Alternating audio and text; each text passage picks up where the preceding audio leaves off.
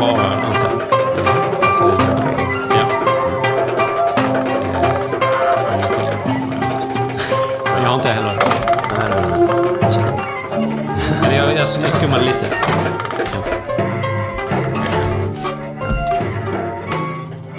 Alltid är det något, alltid är det något. Alltid med att läsa. ja.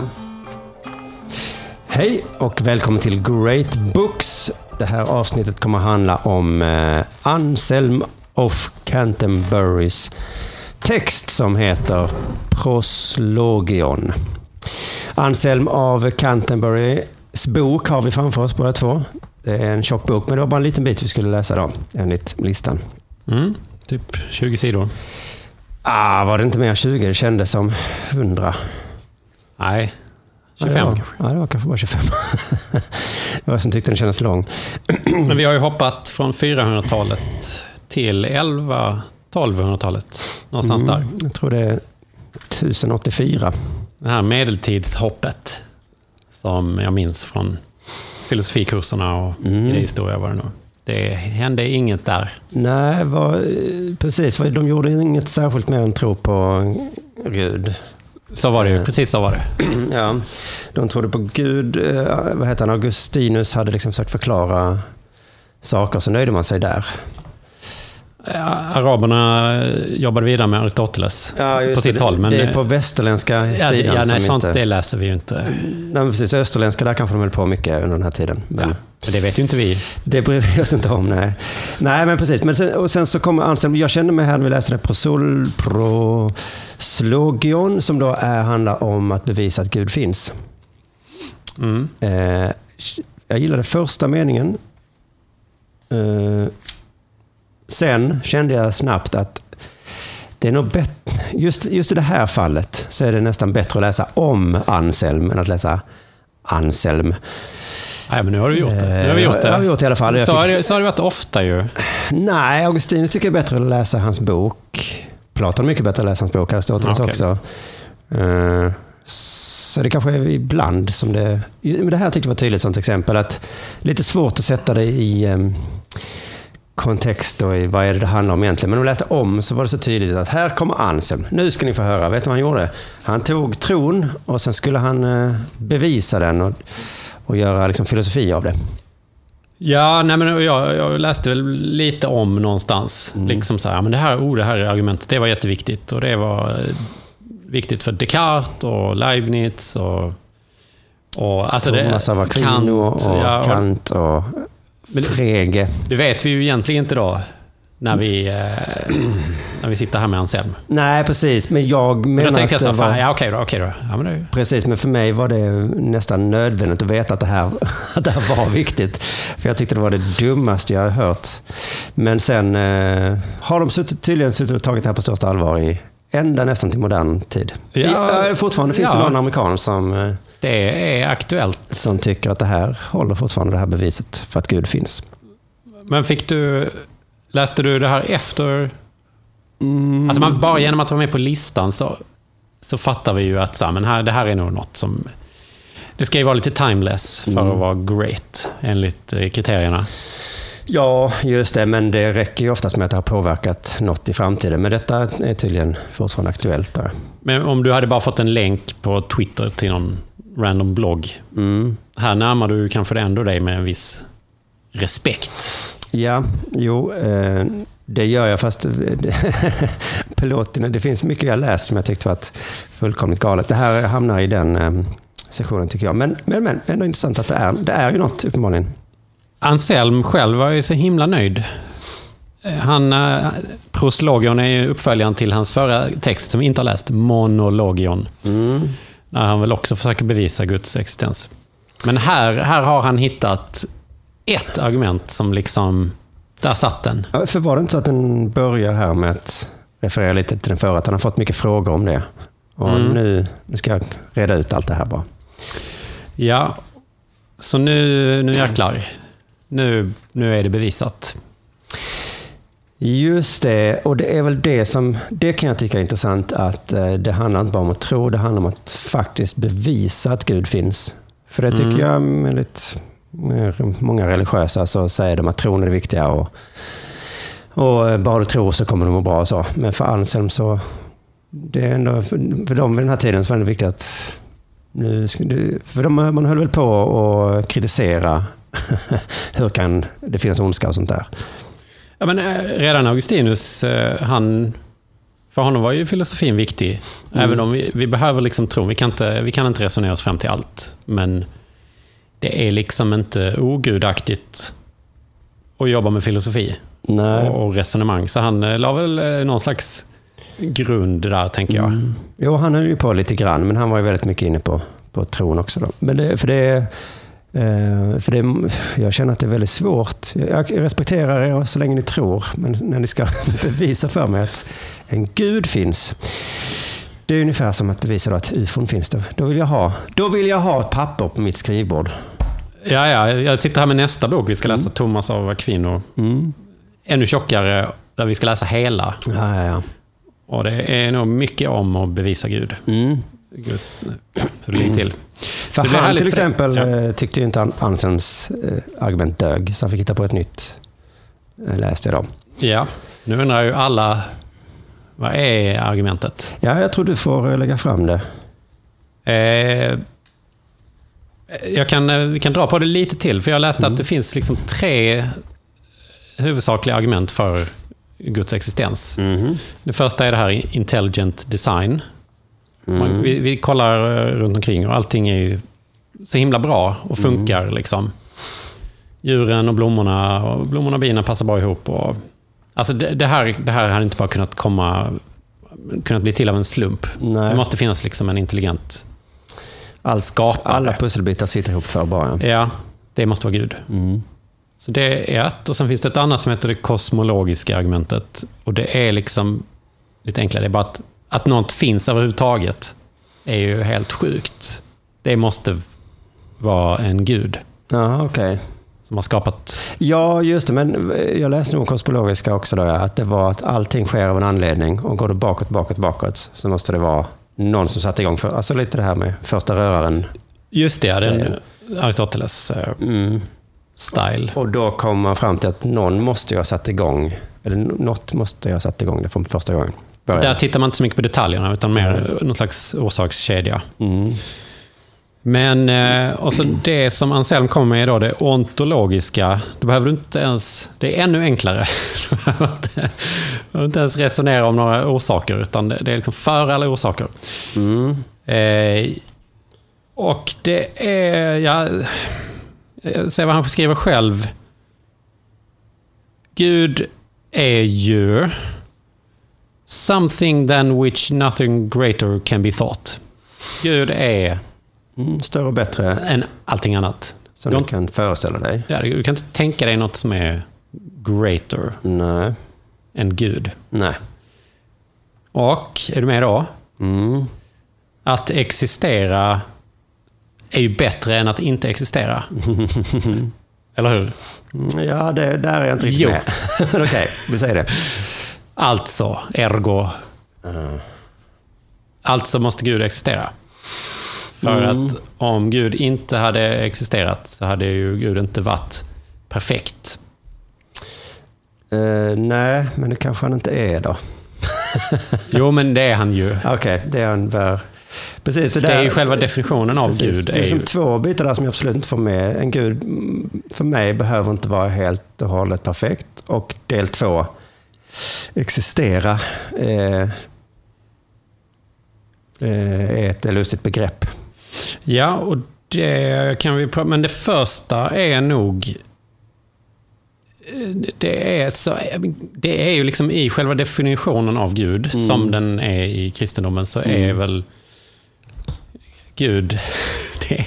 Det, blir inte bättre än så, Simon. Nej, Gud alltså, är jag förstår perfekt att presenterad för en allsmäktig. kristen så, så låter det ju säkert rimligt. Ja, men vi får, vi får bada lite. Nu är vi i kristendomen. Liksom. Mm.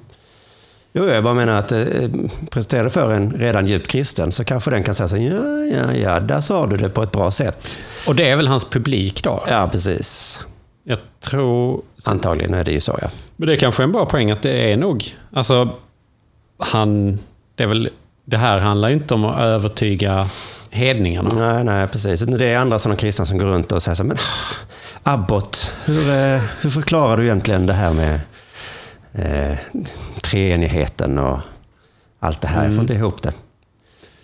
Är du Ja. säker på att Gud finns? Så kanske han, då kommer han med ett sånt här argument och så låter det... Ja. Det Ja, så- men så, mer så tror jag. Mm. Det var inget som... Inget, inget som du begärde ut på korståg med. Liksom, eller missionsresor. Nej, just det. Men var det inte ett argument till som var liknande? På, Ja, det, det, detta var hela argumentet. det var, jo, men det var ju ett... eh, Jo, jo men en fördel med det... than greater, something that which greater can be thought. That than which a greater cannot be thought. Ja, det var det du sa kanske. Vad är det? Jo, för det fina är ju då att even the fool, skriver han. Mm.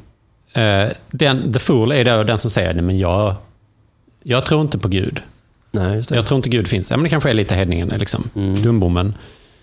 Bara genom att föreställa sig, eller att gå med på det här, att det finns någonting som du inte kan tänka dig något som är greater än. Mm. Det skulle till och med The Fool säga. Ja, nej, nej, nej visst, ja, men det kan jag, det kan jag föreställa mig. Mm. Då, då har du liksom i princip accepterat eh, argumentet. Det är ju Gud. Ja. Så, ha. Jo, men det är inte med. Jag kan väl föreställa mig saker som inte finns. Eh, vad är... Alltså, Ja, och det, det minns jag någon haft förmodligen någon gång. det är lite sätt. dumt att för att efter proslogion Ja. så kommer det invändningar från Mm. Gaunilo, någon annan munk i något annat kloster. Mhm. Säger han då. Enhörningarna då? Ja, could I not say that all kinds of unreal things not existing in themselves in any way at all are equal in the mind? Eh, till exempel enhörningar. Mm. Och då har jag inte läst, eh, dumt nog, har vi, har vi vi har inte läst eh, Anselms svar. Men det är någonting som är speciellt med Gud. Att, Mm. att det ontologiska argumentet gäller bara Gud. Mhm. Jag tror Garnilo skriver också om en ö. Jag kan tänka mig en perfekt ö. Ja, Den är så just det. himla, det är så himla gött. Just Allting det. finns där. Och det är bättre att finnas än att inte finnas. Så därför så Ja. måste den finnas. Men, men det är någonting som är speciellt med Gud. All right, all right. Så, att, så att det här, du kan inte bara plocka vad som helst. Nej, just det. Det var någon mening jag strök under som jag sen såg när jag läste om Anselm också. Att han, hade, han trodde för att kunna förstå. Det var inte liksom att han eh, gick andra omvägar, att han skulle förstå saker för att sen kunna tro på Gud. Utan han gick andra hållet. Eh, Säg det en gång till. ja, jag, jag, jag- måste tro på saker för att kunna förstå dem. Okej, så ja, du kan inte- Återigen så kan du inte riktigt resonera dig fram till tron, utan tron ligger i... Precis, det är inte nödvändigt så att man ska gå det hållet, att du ska resonera det. Först måste du tro jättemycket. Och först då kan du tro, eller förstå hur Mm. saker är. Och det var, jag vet inte om det var speciellt på den tiden, men det är ju tvärtom mot Skalman som jag växte upp med. Som, Han tror ingenting. nej, han fnyser åt tro.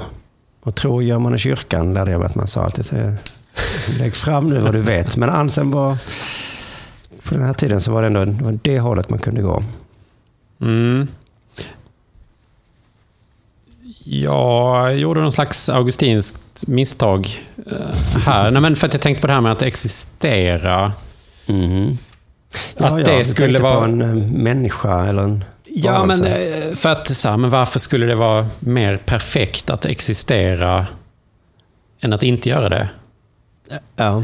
För det, det säger ju, så, är det ju självklart. Liksom. Ja. Existence is perfection. Ehm, men det var nog att jag tänkte att, att existera, att med det menar man att det finns liksom i en slags kroppslig verklighet. Precis. Jag tänkte varför skulle det vara bättre att vara en kroppslig Ja, verklighet? för det var ju jättedåligt. Mm. Det, det lärde ju Augustinus. Men eh, nu, vi får nog tänka som eh, platoniker här, att det som är mest verkligt är ju inte, vi, det vi ser framför, du är ju bara en skuggbild. Den här mikrofonen är bara en skuggbild av eh, Mm. eh, liksom den sanna idén. Ja. Så att, att existera är mer liksom att, att vara verklig, men det behöver inte vara kött och blod. Nej, det behöver inte vara en eh, entitet som, som går omkring i himlen. Nej. Nej, så, så då... Om vi, accepterar, om vi förstår det sammanhanget så kanske det hjälper. Mm, att det är bättre att existera. Ja, att inte när ex, att existera då är bara att vara verklig. Liksom. För att om Gud var overklig, nej, nej, det är ju inte alls perfekt. Nej. Nej, men det är ju som sagt att det, man måste luta sig på själva att det, att det finns ja, att det finns en gud. Mm. Men eh, vi är fortfarande typ bara på första sidan. Sen, det är ju typ 25 stycken här, men det, det mesta är egentligen bara att Anselm sen ska, efter att ha liksom fått den här snilleblixten, så ska han liksom bocka av de olika eh, grejerna som står i Bibeln om Gud. Liksom att ja, men som avsnitt sju här. He, how he is omnipotent, although he cannot do many things. Han är allsmäktig, Ja. men han kan ju inte göra dåliga saker, till exempel. Nej, precis. Jag, tyck, jag tyckte inte de, han hade lika bra svar på de, eh, de frågorna. Nej, men, och då är det bara att han säger upp, det han gör är att han säger så här, ja, men det här är ju mer perfekt än det här. Mm. Alltså, och, och vem är Gud? Jo, det är mest perfekta vi kan tänka oss. Ja, det var någon gång jag skrev så att Gud är bra för att han är så bra. Ja, Så, ja. Eh, Men, men själva resonemanget kring vad som är perfekt eh, finns inte alltid där kanske. Nej, just det. Ja, men precis. Det var några sådana här, eh, det var inte frågor riktigt, men det var, jo det är det väl. Hur han är greater than can be thought. Och så blir det så här. Thus, then, truly you are. Så listar han perceptive, omnipotent, merciful and impassible. Just as you are living, wise, good, bless, blessed, eternal and whatever it is better to be rather than not to be. Han är allt som, han är allt som det är bättre att vara än att inte vara. Precis, man fick en härlig liten inblick i eh, någon som eh, försöker göra vetenskap av religionen på något sätt. Ehm, Mm. Utan att liksom an- använda liksom allt för svåra ord. Utan bara, Ja, men det är ju hyfsat tydliga resonemang ju. mm, precis, men han gör det inte sådär krångligt som en eh, sån här jobbig grekisk vetenskapsman. Nej, det känns, ligger väl närmare oss i tiden också på något vis. Någon gång skriver han så här, Gud, vad är det jag, vad är det jag skriver? Hjälp mig att förstå vad jag skriver. Okej. Då har liksom argumentet eh, lett honom Någonstans. någonstans. Ja, ja, ja.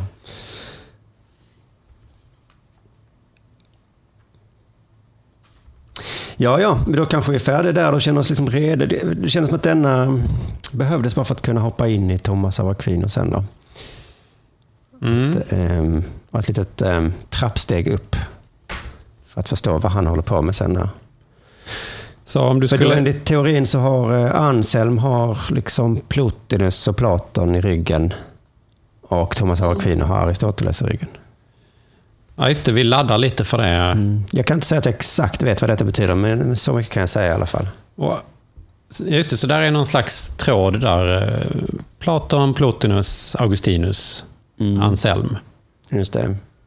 Och nu går vi över till eh, Aristoteles-lägret här med Aquinos. Aquin- Just det, men liksom fortsätter på samma sätt som Anselm gör här, att man ska bevisa saker. Fast med hjälp av en annan eh, vad heter framework då.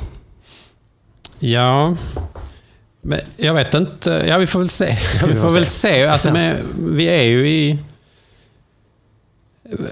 Det var någon som la in Parmenides också i den här eh, Just det. listan. att Alla de här kan ju liksom sitta och bara sluta ögonen och resonera sig fram till Mm. hur det ligger till. Och det gjorde Just väl eh, Descartes också. Liksom. Just det, det är Sen. det som är Platon och Plotinus grej. Ja. Ja, men jag tror det. Så att, Aristoteles var ju ändå ute och, och dissekerade djur och tittade på... Vi kan ändå lära oss saker av eh, sinnena och det vi ser. Just det, det var någon referens till Augustinus i den här texten också. Såg du det? Eller var det kanske i Monologium som jag råkade lä- börja läsa Va? Du först? jag började läsa den. Att han hade fått eh, bannor för att den inte var tillräckligt augustinsk, någon text sådär. Så att det var, Okej. han hade, Augustinus hade fortfarande mycket påverkan på de här. Och då var ändå Augustin, det var ändå 700 år sedan. Mm. Just det, han var... Det är ju ett jävla långt hopp där alltså. ja. Ja, Ja, ett ja. långt hopp och det, det är rätt coolt då att Augustinus fortfarande var den store. Mm. Okej, men då, då tar vi semester nu med Thomas av Aquino. Mm. Just det, det är hela den boken som ska in i, in i hjärnan. Japp. Ja, det är spännande. Då tackar vi för detta korta lilla Anselm-avsnitt. Tack och hej.